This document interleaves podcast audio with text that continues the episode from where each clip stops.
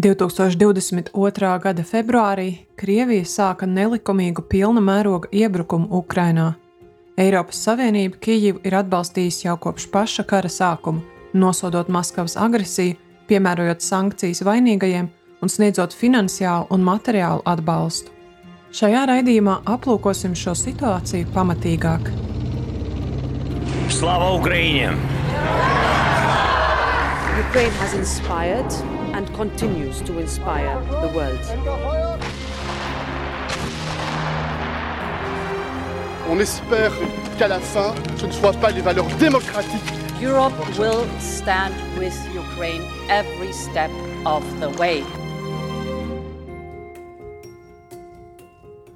Informācija, ko sniegusi ANO cilvēktiesību uzraudzības misija Ukrainā, liecina, ka līdz 2023. gada beigām Gandrīz divus gadus pēc Krievijas iebrukuma Ukrainā šajā karā kopumā nogalināti vairāk nekā 10 tūkstoši Ukrainas civiliedzīvotāji un gandrīz 20 tūkstoši iedzīvotāji ir ievainoti.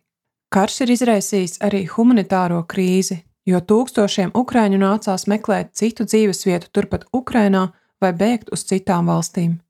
ANO bēgļu aģentūra sagaida, ka 2024. gadā kara darbība vēl pamatīgāk ieilgs.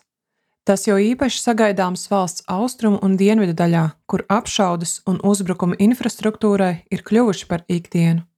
Turpmākajos mēnešos vairāk nekā 14,5 miljoniem cilvēku Ukrainā būs vajadzīga dažāda humānā palīdzība.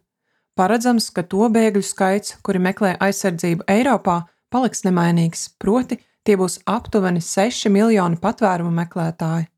Sagaidāms arī, ka daudzi joprojām dosies meklēt mājvietu citās valstīs, savukārt citi atgriezīsies Ukrainā.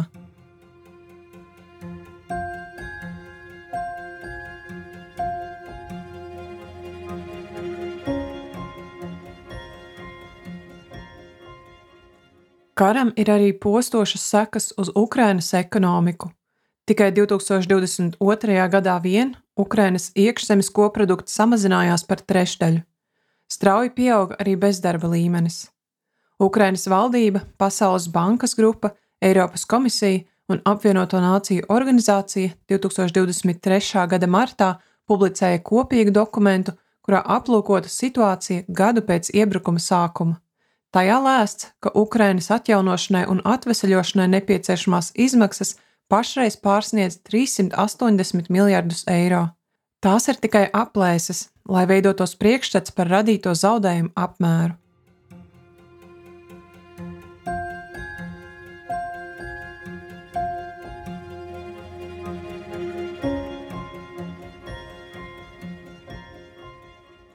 Šajā konfliktā ir gājuši bojā daudz cilvēku, un tas ir kaitējis ekonomikai, taču tas nav viss. Tam arī ir ilgtermiņa ietekme uz vidi. Ukrainas vides aizsardzības un dabas resursu ministrijas sniegtā informācija liecina, ka no kara sākuma līdz 2023. gada jūlija vidum Krievijas iebrukums vidē nodarījis kaitējumu aptuveni 53 miljārdu eiro apmērā.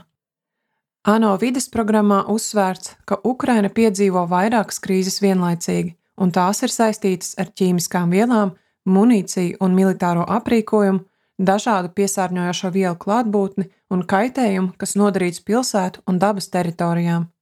Karš ir arī kaitējis lauksaimnieciskajai ražošanai Ukrainā. Tas skar ne tikai pašas Ukrainas ekonomiku, bet ietekmē arī nodrošinājumu ar pārtiku visā pasaulē.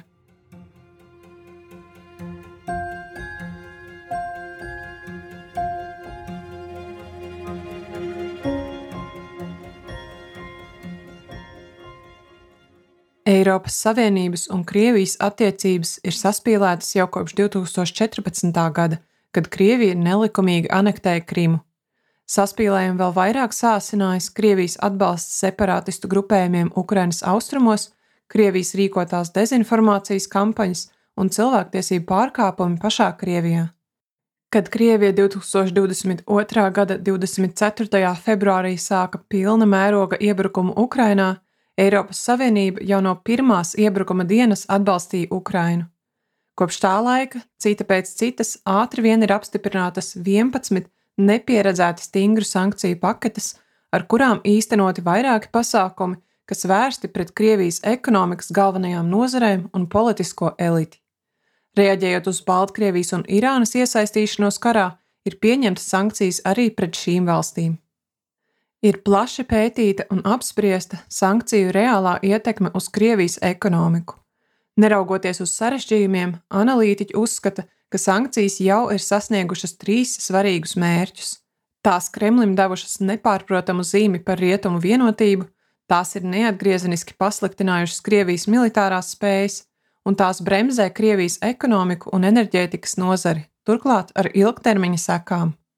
Tomēr lielākā daļa ekspertu brīdina, ka sankciju ietekme nav pietiekami smaga, lai ierobežotu Krievijas spēju karot pret Ukrainu. Viņi norāda, ka ir vajadzīgi papildu pasākumi sankciju pastiprināšanai.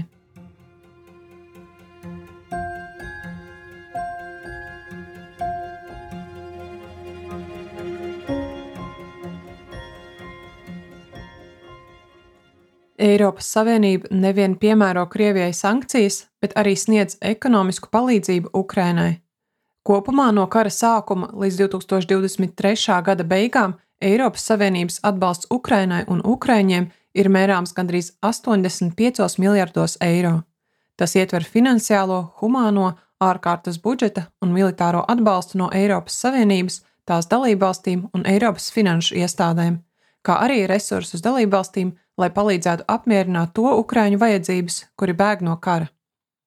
2024. gada 1. februārī Parlamenta un padomes pārstāvi sarunās panāca vienošanos par Ukrainas mehānismu ārkārtas paketi 50 miljardu eiro apmērā. Šis fonds līdz 2027. gadam atbalstīs Ukrainas atveseļošanos un modernizāciju. Paredzēta arī iespēja saukt Krieviju pie atbildības un pieprasīt tai atlīdzināt milzīgo kaitējumu, ko radīs šis konflikts. Pēc Eiropadomes ārkārtas sanāksmes komisijas priekšsēdētāja Urzula Fonderleina sacīja: Eiropadome ir atkārtoti apstiprinājusi Eiropas nelokāmo apņemšanos atbalstīt Ukrainu. Mēs visi zinām, ka Ukraina cīnās par mums, tāpēc mēs to atbalstīsim ar nepieciešamo finansējumu un nodrošināsim Ukrainai tik ļoti vajadzīgo spēju prognozēt nākotni, ko tā ir pelnījusi. Šie 50 miljardi eiro uz četriem gadiem arī ir ļoti spēcīgs vēstījums Putinam. Eiropadomas priekšsēdētājs Šarls Mišels 2024. gada februāra pirmajā plenārsesijā uzsvēra, ka 27 dalībvalstis lēmumu pieņēmušas vienprātīgi un saskaņā ar Eiropas budžetu.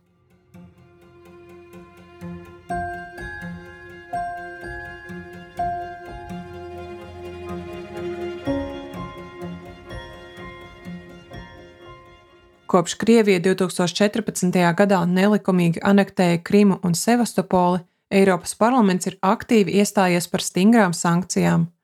Tas ir nosodījis Krievijas agresiju pret Ukrainu un pieprasījis plašākas sankcijas un to labāku izpildi, kā arī Eiropas Savienības iesaldēto Krievijas aktīvu konfiskāciju, lai samaksātu par Ukrainas atjaunošanu. 2022. gada aprīlī Eiropas parlamenta priekšsēdētāja Roberta Metzola apmeklēja Kijivu, tā apliecinot Eiropas Savienības atbalstu Ukrainai. Viņa ir pirmā Eiropas Savienības augstākā amatpersona, kas apmeklējusi Kijivu kopš Krievijas iebrukuma sākuma. Divus gadus pēc kara sākuma viņa Strasbūrā plenārsēdes laikā teica: Dažas nedēļas pēc Krievijas iebrukuma sākuma es Kijivā līdz ar prezidentu Volodimiru Zelenski Eiropas parlamenta deputātu vārdā uzrunāju augstāko radu. Es mūsu vārdā apsolīju, ka atbalstīsim Ukrainu un tās tautu, cik vien ilgi tas būs vajadzīgs. Aizvadītajos divos gados Eiropa savu solījumu ir pildījusi, un mēs to turpināsim darīt. Mēs nepagurstoši sniedzam politisko, ekonomisko, militāro, finansiālo humāno un diplomātisko atbalstu.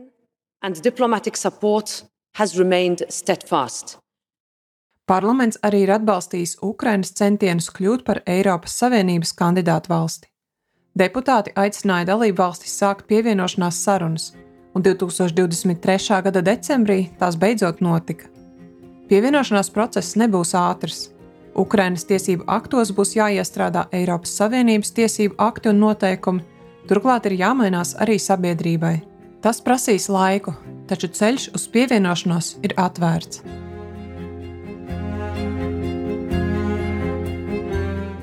Vairāk raidījumu var klausīties Eiropas parlamenta tīmekļa radio Europarl Radio.